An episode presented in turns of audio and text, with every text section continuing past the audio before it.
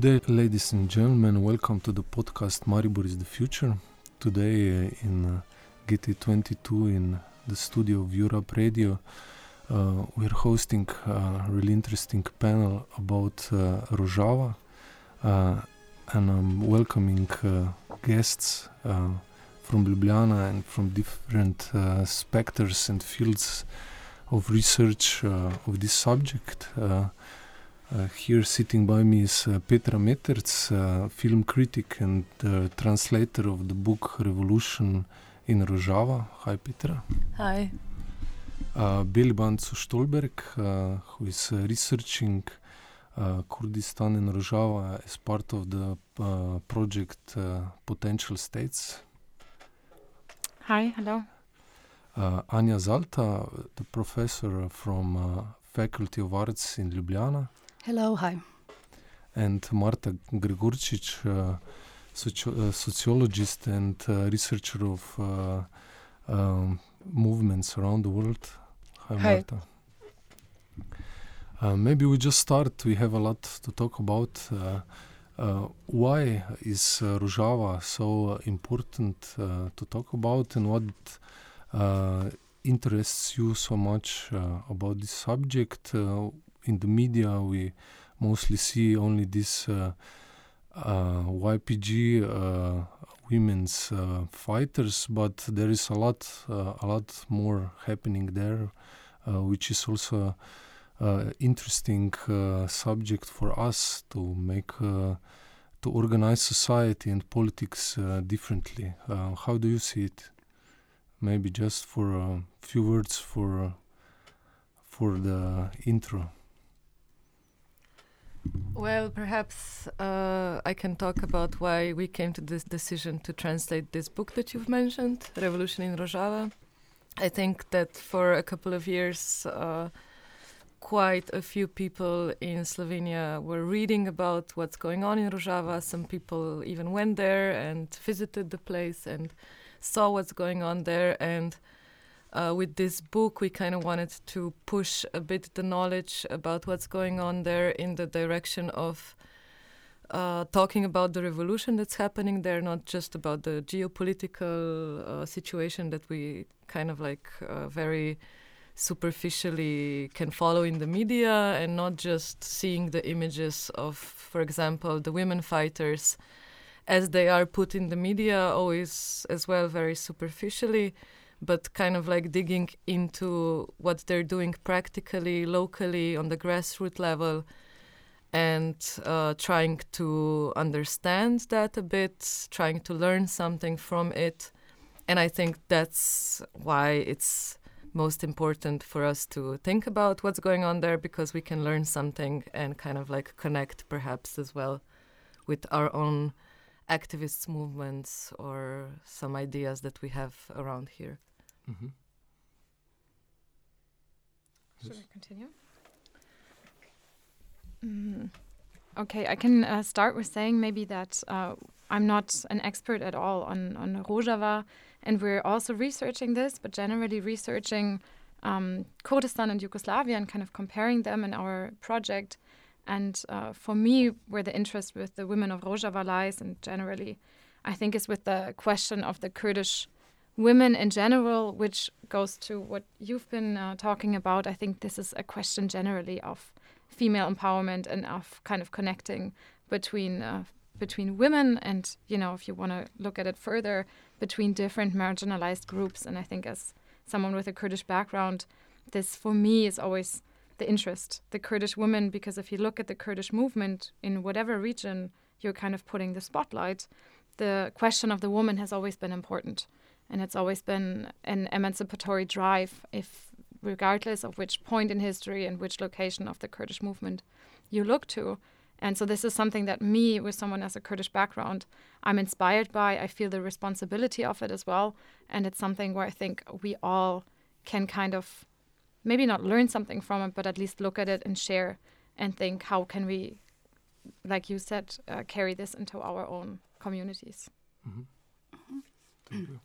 Okay, if I may add, uh, add to this, of course, the Rojava as such is, uh, um, well, we can look at it from different perspectives, you know.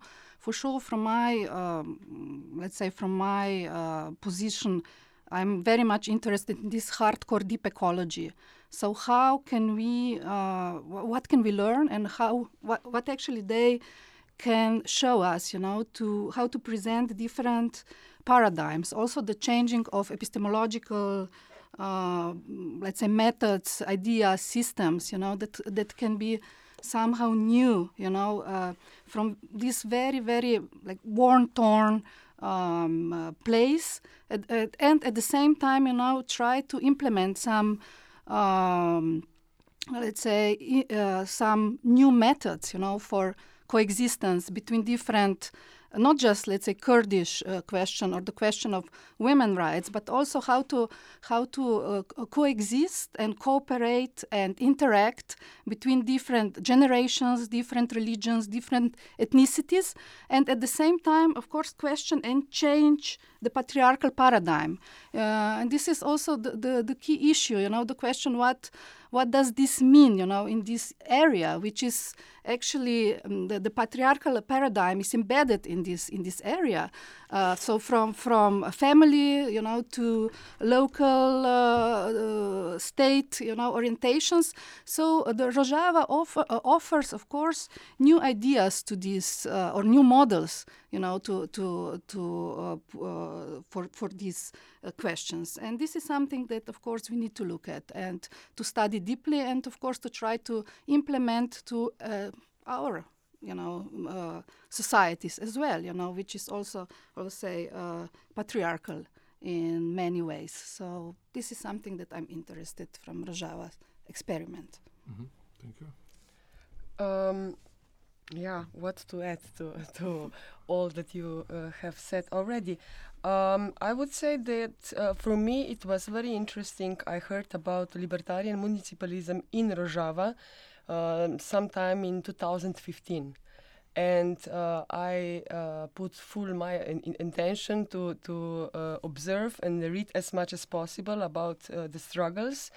And uh, at that moment, I realized all the work, or more or less, writings from Öcalan and the new steps that the guerrilla movement and as well as civil society um, um, uh, started. Um, in 2017, I was um, presenting one paper here in Maribor to uh, the um, um, as um, city assemblies and uh, uh, self-organized city assemblies uh, discussing participatory budgeting in Porto Alegre and uh, achievements in 30 years comparing to achievements and uh, uh, self uh, transformation of people that are involved in participatory budgeting in Maribor. And at that moment, I, I uh, prepared the whole analysis and then I compared uh, participatory budgeting with the uh, assemblies taking place in Rojava in northern Syria as the war area and uh, with the Kurds and other minorities uh, that uh, are actually showing in the um, 21st century, they are showing the steps uh, um, um, beyond, let's say, neoliberalism and capitalism uh, in the uh, most progressive way, comparing to other movements uh, that um, empowered uh, social struggles in Europe, in Western societies, like the Zapatista movements or many movements in Latin America or in uh, Asia, India, and so on. Uh, it was um, quite impossible to imagine that uh, something like this would be uh, would happen in Middle East. Uh, if we see the context uh, of uh, historical background, uh, uh, all civil wars, totalitarian regimes, uh, the the imperialism from the United States, Soviet Union, if we see the history, religion, um, current or um, already permanent aggression of NATO and so on uh, it's really difficult to imagine that people would self organize themselves and create uh, stateless democracy and uh, create new society with new science, new knowledge, with new approaches uh, to the politic, uh, self-sustainability, uh, and so on, which is actually um, somehow um, um, how to say is um, provoking us. You know we are living in peace in uh, under capitalism of course but we have a democratic society no war. But at the at the same time we are not able to fight patriarchy in our own country uh, countries uh, our own violence uh, and so on and so on. And seeing this example i think it's really um, a huge message uh, for the movements uh, um, that um, were thinking about alternatives, alter globalization movements, and so on, uh, without the violence. And uh, Kurdish women and uh, people of nor- in, in, northern Syria and uh, I could say also uh, all part of all four parts of Kurdistan in four different countries, because examples are taking place uh, in a broader area, are actually showing us uh, new steps that um, that go beyond that that uh, goes beyond. Uh, uh, this classical Lenin, Mar- Lenin Marxist approach and classical communist approach, socialistic approach, mm to towards autonomy, self-determination, where the main uh, main goal or the main uh, uh, power is uh, in the commune, in the assemblies, and uh, for common purposes, for commons. Mm-hmm. Um, thank you, Marta. Um, I think this is a really good uh, starting f- point for a like a deeper discussion. Maybe we stay also uh, with you.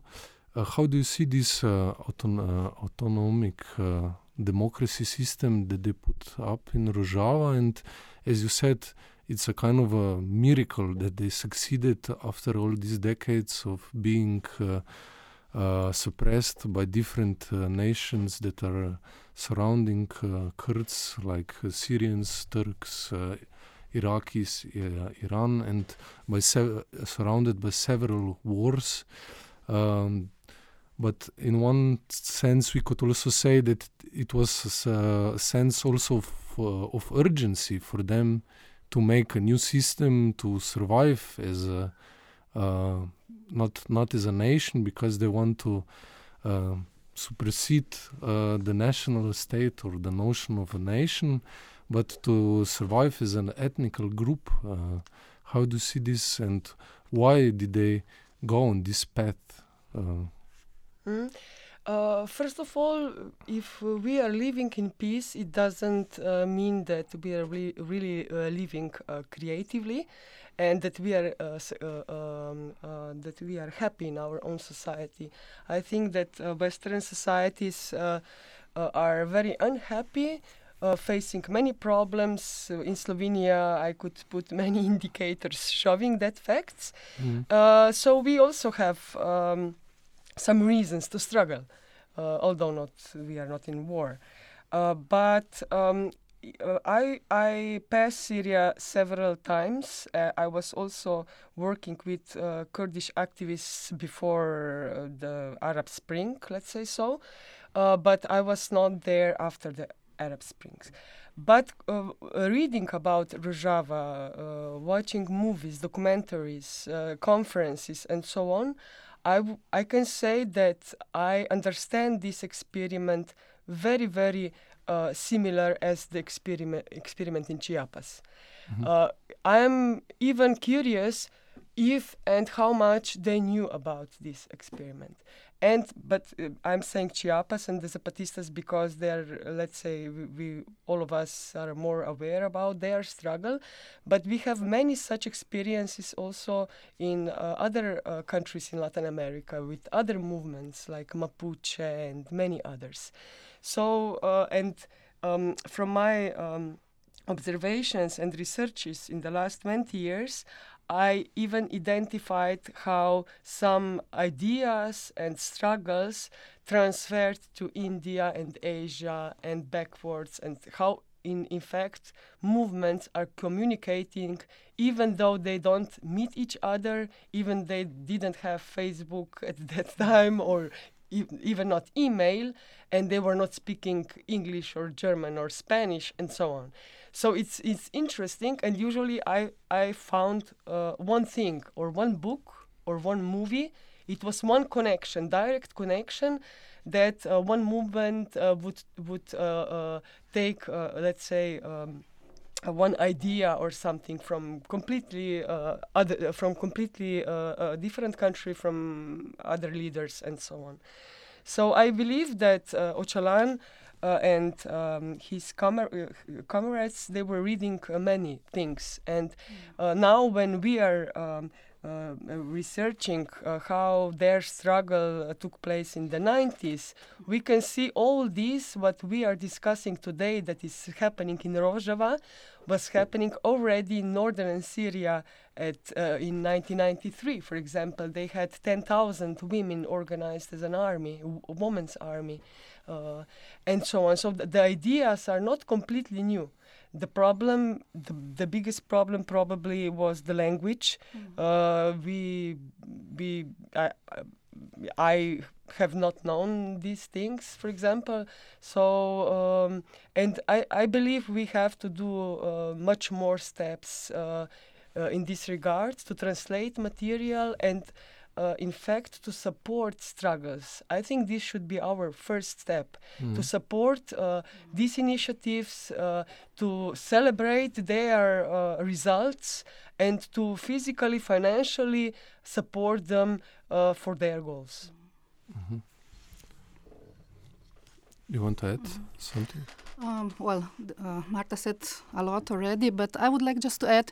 Uh, of course, we know Öcalan is still in jail in Turkey, and there is a big movement now, Free Öcalan. You know, like uh, I mean, it's very important, of course, to understand also his transition from, um, let's say, from quite. Um, I will not say violent past in a way, but of course there was a very it's it's it was a it it was a kind of yeah it was a kind of uh, the war in Turkey the, uh, between PKK and Turkish army and so on.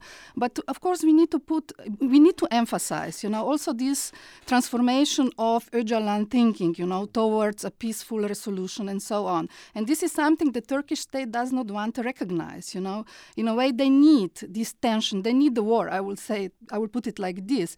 You know, so they they are ignoring uh, his. Uh, uh, words, like recent uh, papers, articles, books, and so on, which is totally different. I will say in in some uh, uh, in, uh, in, some ways, you know, also to understand the need for coexistence in this very very, you know, uh, and now I'm of course referring to this region of southeast Turkey and northern Syria as such, because the the, the line that is drawn between Turkey and Syria is artificial, you know, and this is let's say Mesopotamia, which is kind of you know common uh, mm, common uh, place where all these different religions, tradition, ethnicities, needs and uh, are coexisting somehow. You know, so Öcalan, of course, understood the need for uh, for new models, methods for coexistence, you know, and this this is why he somehow emphasized in the last decades, you know, the need of this uh, female revolution, of these feminist projects, you know, uh, and. Um,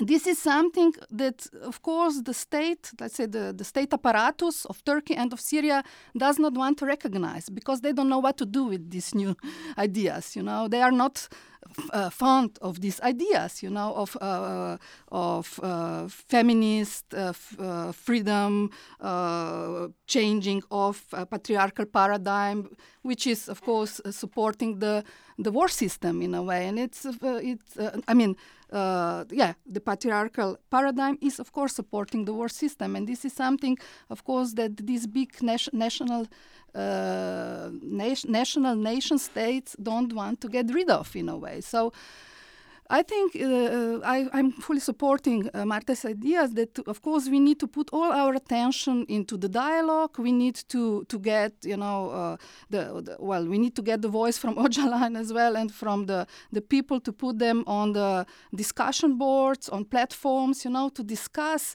the new possibilities. It's not, the, the answer is not in, again, new open war zones in different regions.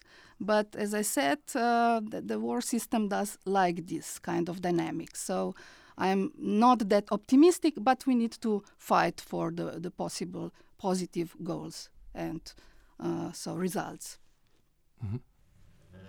Uh, yeah, perhaps I would just add regarding to your question that um, it's it's important to look at uh, what's going on in in northern Syria in Rojava um, not as something that happened just because of this vacuum of the war, but as a long tradition, as you both mentioned already, uh, of around 40 years of organizing, uh, mainly in Turkey.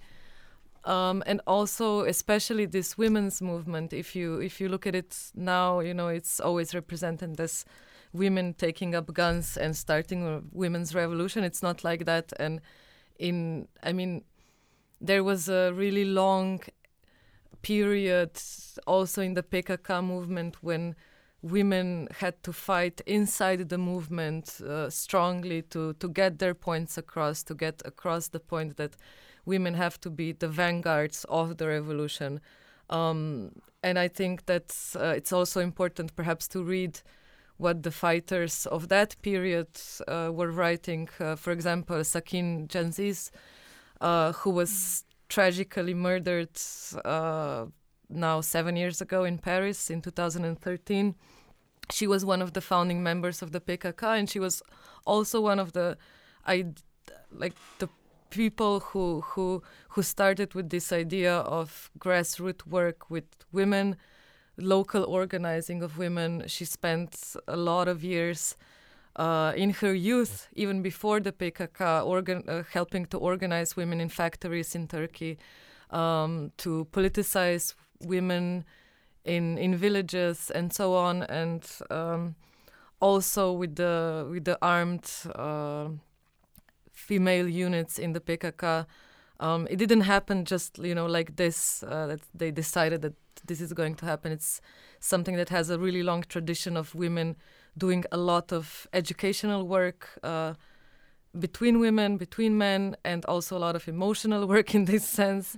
Um, and I think this is kind of something that we need to be aware of. Of course, even today, it's not like that. Uh, those like 30 or 40 years of of work uh, just kind of like peaked, and now everything is good. It's not. It's like kind of a constant work uh, on the ground, constant education, and so on. So yeah, perhaps this is a perspective that needs to be always kind of like um, embedded when we talk about that, just because. Um, so we are aware that uh, nothing happens like this you know that even even if we try to implement some of those uh, things that we see in Rojava in in our local communities we have to be aware that that's constant uh, work and that uh, even constant work on a really small level can bring something. Mm-hmm. Could I could I yeah, add something to that? Um, yeah, I just wanna I just wanna say maybe to that that I think it's also while we talk about it very important that we don't uh, kind of romanticize this movement of you know in the YPJ and the PKK the the female movement and the female movement of you know women with guns, so to say, because I feel like this sometimes happens from a certain uh, perspective, and I think what we have to remember about this is that uh, it was born out of a necessity. Mm.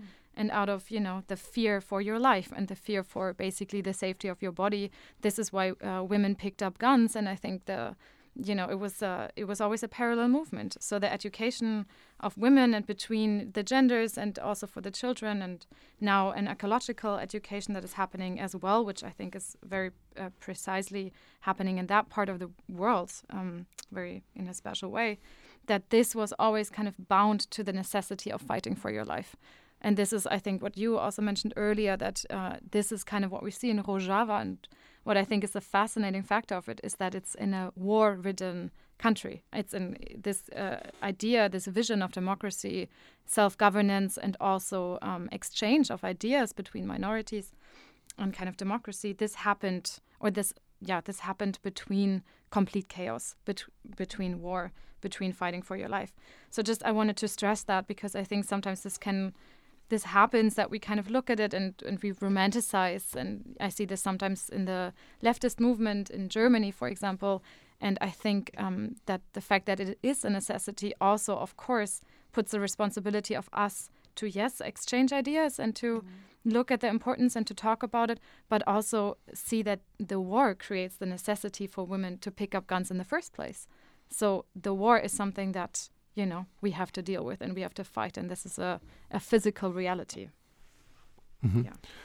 Uh, thank you. We mentioned now several times war and. Uh, but also, I think we have to mention that this movement is, in its basics, peaceful. It tries to find dialogue with the Syrian government, with uh, between other ethnicities, and its purpose is not to uh, like take a territory and to take it by force, but it wants to just to defend its own living space, uh, and maybe uh, um, how do you see this? Uh, how important is that? And also, how is it linked to the women emancipation movement? Because women, and we said, patriarchal society is bound to war and uh, to processes of like um, uh, to take over nations or states. But I think this new paradigm is also uh, in its base peaceful. And it wants to find uh, some co- uh, common base between different peoples to to create a dialogue without weapons. And they picked up the weapons just to defend themselves. And they didn't like uh, uh, take over areas which were not Kurdish. They, just defended their areas. Mm. Yeah, I, if I may add to this, I, I totally agree. Uh, I mean, it's very obvious when we look at the, the, the film that was produced by Marva, and we will look uh, to the film today. There is obviously stated that self that they what they are uh, trying to uh, uh, well establish or what they are earning, uh, yearning for is self-defense which goes beyond physical survival. So this is this is crucial you know like you already said you know of course they are picking up guns because they need to protect themselves but this is not the the the main goal. I mean the main goal is of course to live uh, peacefully with their own traditions, with their own uh, ideas, with, the, with their own epistemologies, with their own contact to the nature and the different uh, social networks and so on. So it's it's uh, something of course that what are they trying to build is of course a network of uh, different approaches to of course this harsh environment also with uh, so the, the relationship to the nature the relationship among of course, gender uh, relations and among different ethnicity, religions, and so on. So they're, of course, trying to building a kind of, um, I mean, different organizations, academies, different groups, uh, uh different uh, schools, uh, different. Um, organizations that are somehow trying to, you know, as I said, you know, find their own uh, identities that are really their identities. You know, not that, not that this is somehow enforced uh, identity as a common, let's say, marker, being a Turk or being a, uh, Syrian or being uh, even Kurdish, you know, a kind of a uh, identity that goes beyond beyond these ethnic, religious, gendered lines. This is something, and of course, to find new uh, approaches and new new new contacts, as I said, with the environment they're living in. So also in the in the film, I'm quite fascinated. You know, when there was a uh, the, the one uh, person was saying we need to sing songs to the mountain, not about the mountain. So there is, you know, a, a deep necessity to to understand this uh, that nature performs itself differently, and that we are not living in a nature as a in container, but that we are nature you know and that the war system as you mentioned is something that is artificial you know that is uh, upon us as some denominator how we should act how we should live how we should react and so on. Uh, this is uh, one thing. And the other thing of course is when they were and it was mentioned the women with guns. Of course they were fighting against isis and against other uh, let's say armies there. But fighting a patriarchal system they they, they uh, specifically mentioned of course the patriarchal system is embedded also in these societies, in this place, not just in ISIS, but of course they were, like say, um, there is uh, honor killing, there is child marriage, polygamy, all this. You know, there is violence in the family. We all need to to address these questions, and uh, we need to to present the problem of of the patriarchal system, which is also a part of the history of this society. You know, so uh, yeah, the new the new methods and to, to see the problems also you know among the the same the, among the people you know not just some something outside that is coming and bombing us from the outside but uh, also we need to change the society from the inside you know with these new ideas and paradigms so mm-hmm. I completely agree. I would maybe just add that uh, we have to understand that uh, young women and women in general are facing feminicide mm. during the war and also in peacetime. It's not just in the Middle East; it's also in Asia and in other parts of the world. So they um, they are uh, uh, fighting not just to survive. They are fighting. I mean, to to not just sur to survive as a culture, as a community. They are fighting. You know, they are running for their lives. Uh, they can be uh, uh, sold to to uh, um, to uh, ISIS. They can be murdered. They can be tortured. They can be if they lose their husband in war they will be uh, sent somewhere else to another house and so on. I mean, we, we cannot uh, understand this brutality, in fact. But at the same time, we are a part of the system that is uh, as brutal as it is and that is recognizing developed countries with human rights, so-called human rights, and uh, with uh, uh, all the regulatives and emancipation and so on. And on the other side, uh, unhuman beings uh, who don't have human rights or Urrecht in German -hmm. to be human beings. And Middle East is a space where uh, uh, people with with Unrecht uh, mm-hmm. are living. so it means that you know we have parts of the world where there is no uh, human rights le uh, legislation. You cannot, you know, you, you can just struggle with with guns and so on.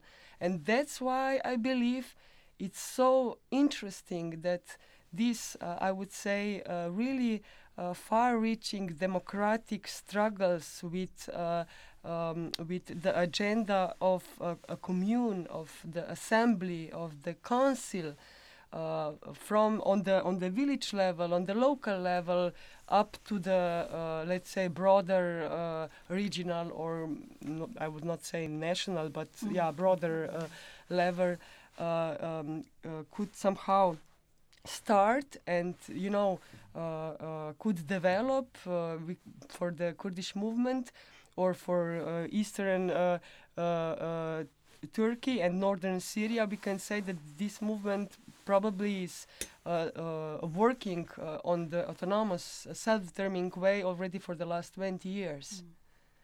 And um, this is the challenge, you know, how some people in the middle of the war and, and all this brutality with no means to survive, how they can organize themselves and discuss that their society have some problems like for example that science is not connected to knowledge and is not connected to society we are living here in a democracy and we believe that our society is connected to science and to education, but it's not. We are probably even much worse situation than they are.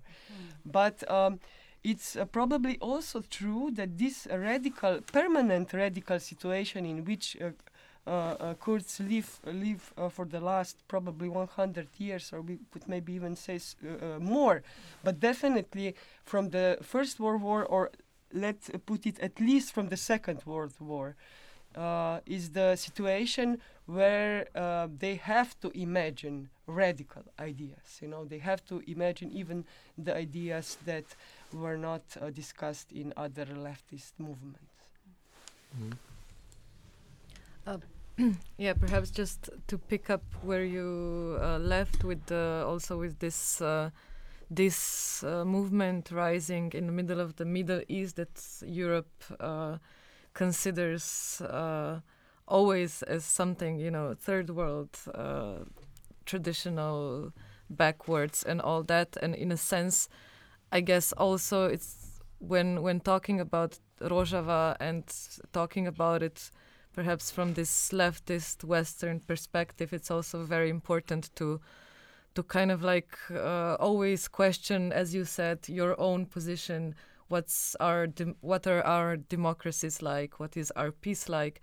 Um, because too often it seems as though you know we the some like leftist Western views can only see those people as doing something similar to us and and and and only kind of like seeing this great as in that their environment but not uh, rethinking what if if our societies are capable of uh, this kind of organization this kind of groundwork because oftentimes uh, we're not capable of doing that. Al- Also with uh, female organizing, with women organizations, I think that um, kind of like this uh, status quo in the West of what's going on with the women's rights and, and the patriarchy.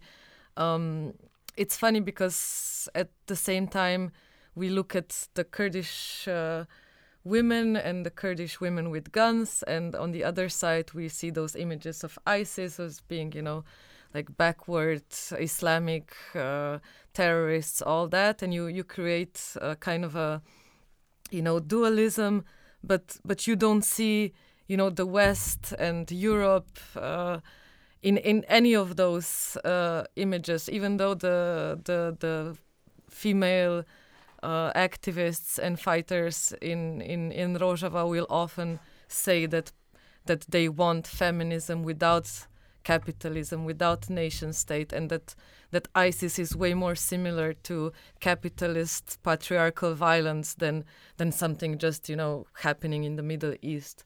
Uh, so I think, yes, it it should be a kind of a mirror to to to what we are able or capable or what we have energy to do or not here.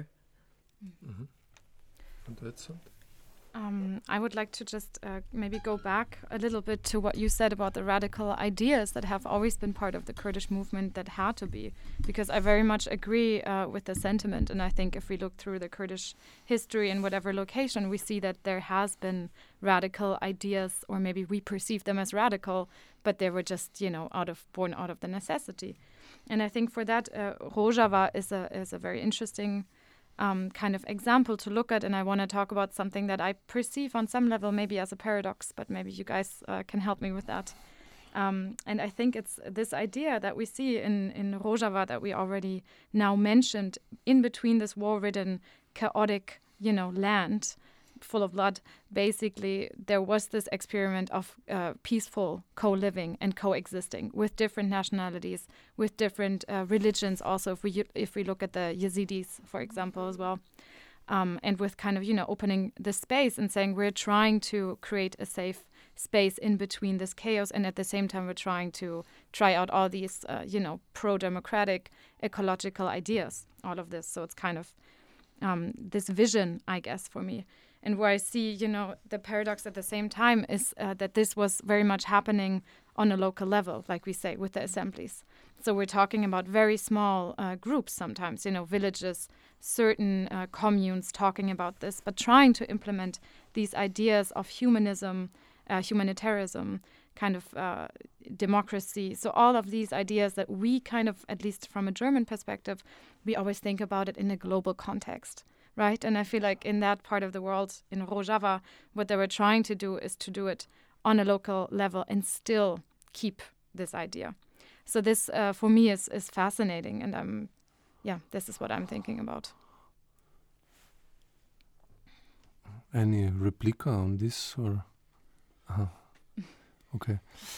Um, can we see it maybe also this uh, radical democratic movement in Rojava as the that third way, which was promised for a long time? We we, we had this dichotomy between capitalism and communism, and after um, like Soviet Union fell apart, like uh, they were saying it's the end of history and capitalism won. But this is actually an example how we could reorganize the society and not make it uh, as uh, the Soviet Union was planning or not make it as capitalism is planning uh, and see it as the third path, which is a new path in the 21st century uh, after the 20th century uh, finished so negatively pessimistic, pessimistically. Mm. maybe I would say uh, I don't like third path because in sociology we have uh, many uh, uh um, um, theoreticians already uh, using uh, similar terms for new neoliberal agendas. So let's say mm. alternative or autonomous or whatever um, okay. path. but um, I think that um, um not to. Uh, um, I, I, would say like this. I believe that uh, from, particularly from 1960, uh, 1970, we are seeing similar movements all around the world. But um, our scientific or field work, uh, our knowledge about these movements is more or less zero or 1%. Mm how to understand what is happening and how uh, uh, movements or um, uh, uh, uh repressed, uh, marginalized are struggling in on the global level in their local societies, in their local territories. it is impossible to say because we don't know much about it. Um, during my researches, I realized that there are many, many movements. Wherever I went, I found self-organized communities, villages, towns, or even uh, um, countries within the federation. For example, in Venezuela. But okay, in Venezuela, many things changed. In Honduras, Lenca people, uh, indigenous people, uh, struggling for their language, like Kurds for their languages, struggling for their culture. You know, Honduras, for example, is the country with uh, the biggest number of murdered ecologists on the in the world. Uh, and so on. No? In Guatemala, in Nicaragua, wherever I went, even in India, in different uh, uh, parts of India, I found self-organized movements with uh, the auto autonomous, uh, with their own self-determination, very similar to uh, the Kurds um, experience. Maybe some of them uh, were not as much as ecological in uh, the theoretical on the theoretical level, but more or less a lot of them were uh, farmers or uh, peasants. So they were working in the nature, living with the nature, nature, and as uh, you already mentioned, they were talking with the nature as their uh, partners. Not uh, they were, for example, Gualcarque River in Honduras. Uh, have been saved because they uh, indigenous people were talking about the myth that uh, three girls are are talking from the river that people should do whatever not to lose the river. They can lose their lives they can do whatever but they should never lose the river. And maybe you cannot imagine this but the world bank um, Uh, uh, uh, stop financing dam mm-hmm. dams on the river after this struggle that indigenous people brought with their mythology and so on. So I believe that in fact we are having for the last 40 or 50 years these kind of movements. Maybe the Zapatista movement was the first one and so um, uh, so uh, radical in in many sense for example how they communicate with the, on the global level how they for example they cover their faces they entered to the uh, bigger towns and they occupied uh, bigger five bigger uh, cities in uh, Chiapas for example and so on. So somehow they they got the uh, global podium of the leftist movement other movements and so on but uh, there were many others, and there are still uh, uh many other movements uh, uh, which are autonomous, self-determining. they have their own structures, goals, and could be compared with all these movements mentioned right now. So um, maybe what is really the question is what about our our urban lives? in uh, Western Europe uh, and our capitalism, you know, uh, and our wars and our army on the territory which is not ours. And here is this big, uh, uh, um, how to say, uh, dichotomy, um, maybe to, to use the words of Boaventura de Sousa Santos, about the epistemicide which is taking place, mm-hmm. meaning that we are uh, we are uh, violent, we are erasing all other epistemologies that exist in our world and forcing the only one, which is the Western mm. capitalism. Uh, and by this, we are losing languages, we are losing cultures, we are losing people, uh, we are losing uh, diversity, we are losing freedom, we are losing everything, we are losing huma- hu- humanity. Mm. Mm-hmm. I completely agree. I don't know what to add more to Marta's. I mean, she just uh, said it perfectly. But uh, okay, just to add as a sociologist, you know, if when you're entering, you know, the the area, if when you go to the field, you do a let's say empirical study, you know, what I'm somehow facing is the problem of this open mind you know are you really coming to all these grassroots communities as you already mentioned you know to these let's say also self-organized communities, movement, self-determination, and you're really open, you know, to listen or not, you know, because uh, a lot of times we are coming with our own agendas, you know, what to see in the field. Do we really have the, the opportunity for, uh, to listen, you know, just to listen and to learn? And this is something we need to I, I think you know we need to again again this skill to listen you know to go to the to the people to learn from the people not just from this but also from the local societies you know because we are coming with our ideas we want to implement these ideas but at the same time of course we need to learn again, you know, to this old tradition, old knowledges, old, old uh, wisdoms, you know. This is something that it's very, very important, you know. And at the same time, of course, what we can learn is the, from these self-organized communities, and especially if we are going back to Rojava, is that, of course, the environment is very harsh there. It was from centuries, you know, the situation is harsh. So it goes beyond pleasant zone beyond this comfort zone. It's all or nothing you know? So of course the new this uh, it's it's an experiment of course but uh, uh, in order to survive you know you need really to offer the best what what you can in a way and to cooperate between as i said different generations different ethnicities all i'm i'm somehow repeating myself but this is something you know also what we can somehow uh, learn from this is uh, of course, we are still in our comfort zone. Although I completely agree, you know, the the situation is harsh also in our uh, societies and democracy. So so uh, named uh, democracy democracies, but of course we need, to, you know, to to to uh, try to go back, you know, to uh, to different. Uh, let's say generations, different different groups, and so on, to somehow establish kind of uh, common ground for new methods and ideas. That's, I think, uh, very important.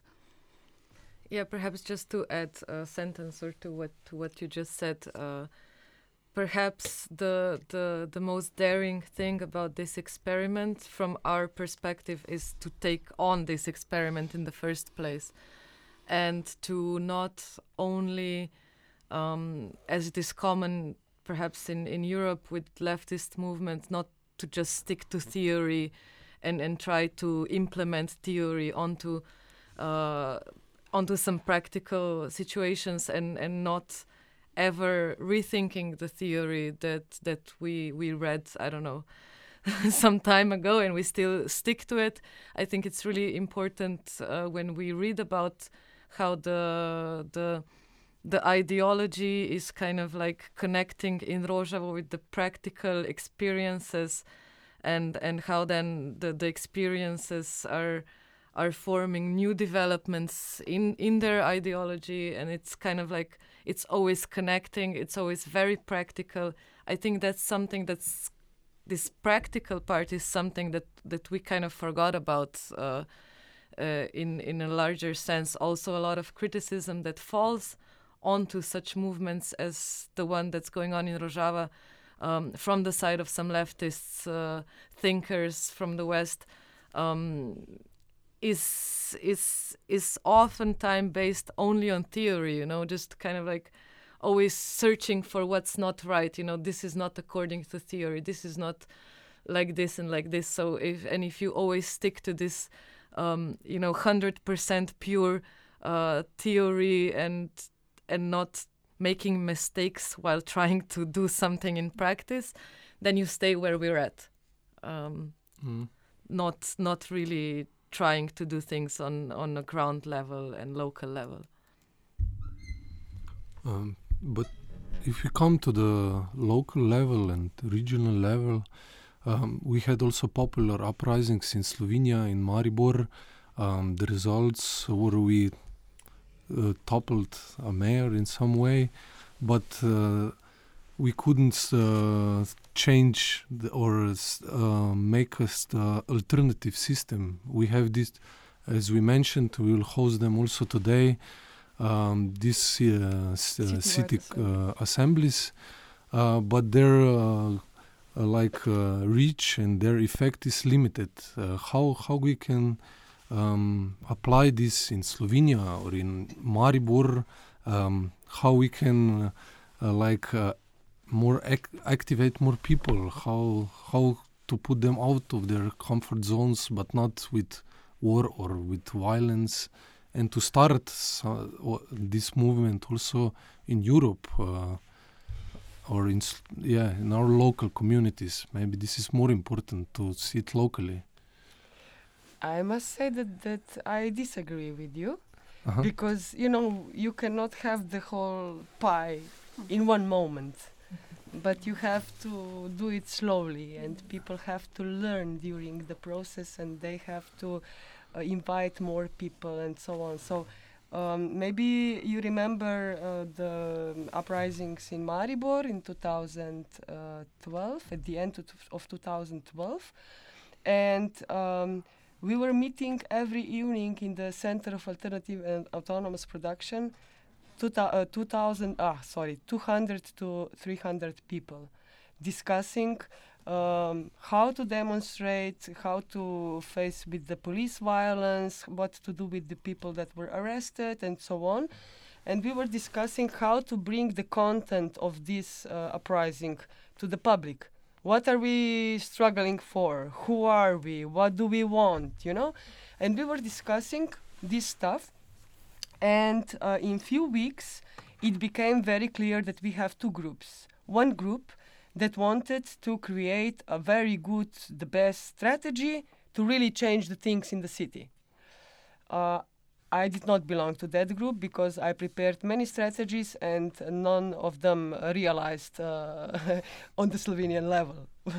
so I decided uh, I was immediately for the another activist group that were first uh, giving voice to the people on the street, um, meaning microphone on the demonstration and so on. And later on, we were discussing every night what to do, which part should, which path should we take. We were talking with the activists uh, from Islandia that uh, they started participatory budgeting in 2008, 2009. Um, then we discuss Porto Alegre. We discuss examples in like Lisbon and others that we have in Europe. And we were talking about the Zapatistas, social ecology, and so on and so on. And at the end, it prevailed that we would like that people here who were active at that time would like to do something like uh, Porto Alegre. So that at that moment, citywide assembly was established, and uh, I was participating just uh, half a year. I told them I will not be in Maribor later on. Are you sure you will be so active? Because people are meeting every week. Some people from the citywide assembly have two or three meetings that they have to coordinate every week. There is few hundreds of people uh, sitting together in different assemblies in I think now 14 uh, different um, uh, uh, četvrte skupnosti, in, uh, um, Local local yeah um, local communities. And uh, so and I, I came back several times discussed with them and i even made one research. And the research showed that people in maribor who are self-organized i think now for uh, the seven or eight years they reached the same um, trans- transformative results as people in porto alegre rosario uh, uh, Toronto, and other cities around the world. I was observing their personal transformation in values, skills, um, attitudes, uh, and, and practices and knowledges. And while I was observing uh, social transformation happening uh, through their actions. And they had wonderful results. I published many articles. I will not uh, lose now time with this, but uh, people, for example, young youngsters found family, new family, new community. They they have no community to belong in Maribor. For example, older people who were retired, they find youngsters who br- br- brought them completely new energy. They were not struggling for nothing before, you know. They were just cynical about everything. Nothing is possible. Again, this bad mayor. Again, you know but they became activists you know they became to struggle they get even to the court and so on and so on but of course i would also like that the whole maribor would be self-organized and you know city assemblies you know the whole slovenia will cha- would change if maribor would do this do you understand me Yeah. but it's not possible because we have works we have other obligations and so on and we we are not aware how how much uh, how powerful we can be if we start to uh, uh, organize ourselves on this level. I'm very happy that uh, this praxis is still alive and very active for the, I, I don't know, seven or eight years already. I hope people will continue. They have always new uh, youngsters coming, new older uh, people coming to the assemblies. And um, I'm, uh, Matisse will later tell you the exact number, how many municipalities already um, uh, uh, uh, um, uh, took this uh, uh, example. For example, Ajdovščina, uh, Ankaran, uh, Kran, Nova Gorica, and so on. And Matic is more, m- the most deserved person to, to transfer the experience and the whole model to other cities. I think that th- in Slovenia we have more than 10 cities already practicing participatory budgeting. So Maribor should be proud about this. Yeah, Maribor is the future. exactly. Um, do you want to add something? No, just maybe one sentence. I ag- again agree with Marta. It's important to build time, you know, to be persistent step by step and have a plan. This is very important, you know, to have uh, a content of your protest or whatever you do, you know. So, because uh, it's it's one thing, of course, to do. Let's say to to to. Uh, whip out the mayor, but then uh, you know to have a plan what to do next. So this is something uh, it's important to focus on the the plans. Mm. I was Mhm. referring to, to Arab Spring, sorry, you know, there was a, a plan of revolution, there was a revolution, but at the end, you know, what is the plan next, you know, after the, uh, uh, of course it depends uh, from the country to country, but the plan is very important what to do after, you know, after the, the president step down or something, or the mayor, whatever. So, Mhm. and be persistent, yes, you know, so take Uh, your time. Yeah, and to learn and educate as we do. absolutely, absolutely. Uh, Bilban, can you take tell us some a little bit uh, how uh, how is are you also is this uh, example from Rojava also coming to Germany to the uh, Kurds living there? Do you also organize in similar ways? Is also self governance and self organization happening uh, in Germany in your community? Um, yeah, it is. And I mean, I can speak sort of from this uh, cultural scene of Berlin because that's the scene that I kind of that I'm in and where I can see it. And I would say, um, of course, Rojava is, is uh, really influencing us. But what I saw more, you know, is the destruction of that region and of Rojava. And I feel like this is actually where more people got politicized, and this is where also me and and uh, the people from my community we saw an uprise um, in sort of the German media and also just the natural um, German society kind of caring about the Kurdish idea was when we saw, you know, Erdogan and, and Turkey invading Syria, running over the troops again. And uh, this is where it started to be just on everyday news, which for us, I think, as Kurdish people who have been living in Germany for, you know, generations, was on some level almost like a kind of a a grim satisfaction because this is on some level what we've been waiting for just on some level to be recognized. And so that the german society sees this is a problem and this is a problem not you know in some faraway land because it's people who are living with us in germany who are germans you know who are born in that in that region. Um, so yeah of course i went a little off topic but of course i see the self-organization but I, what i see more now is uh, the recognition and the idea that um, this is, you know, something that is important to society as a whole. And I think it's, of course, in regions like Germany, um, where you have a Kurdish population, but it's also something, and I think this goes back to what we talked about, that is important globally. Because, yes, you know, in, in, in Rojava and with the Kurdish movement, we see suppression of one specific ethnic minority, but I think it's something that's, you know, a global a, gr- a global problem. But um, yeah, where I see it is the the recognition. Mhm, mhm. But it is uh, also something similar happening in Berlin as these assemblies in Maribor Marta was talking about, Mm. because Berlin is also like this oasis in Germany, like in some ways. And do you know an- anything of this? People self-organizing, because I saw a documentary which organized uh, like city uh, counties uh, which want to stop gentrification of Berlin. They are joining forces uh, against this uh, rising uh, prices of uh, uh, apartments or buildings. They try to stop the capitalization of the city. Mm. Um, how much do you know about this? Well, I know that there is uh, some groups um, for sure. I'm not uh, participating in any because for me as an artist, I'm always in this weird uh, position of trying to kind of keep my immorality on some level. So like I'm in a weird uh, in between state, I guess. But it's it's definitely happening, and where we saw it, for uh, example, was the um, uh, die uh, Demonstration der vielen is what we called it. So demonstration of many, where many of these different groups came together and um, went against this, and it's uh, mostly uh, gentrification groups because I think this is where I see it in Germany, in Berlin specifically, where we go again to the very practical approach.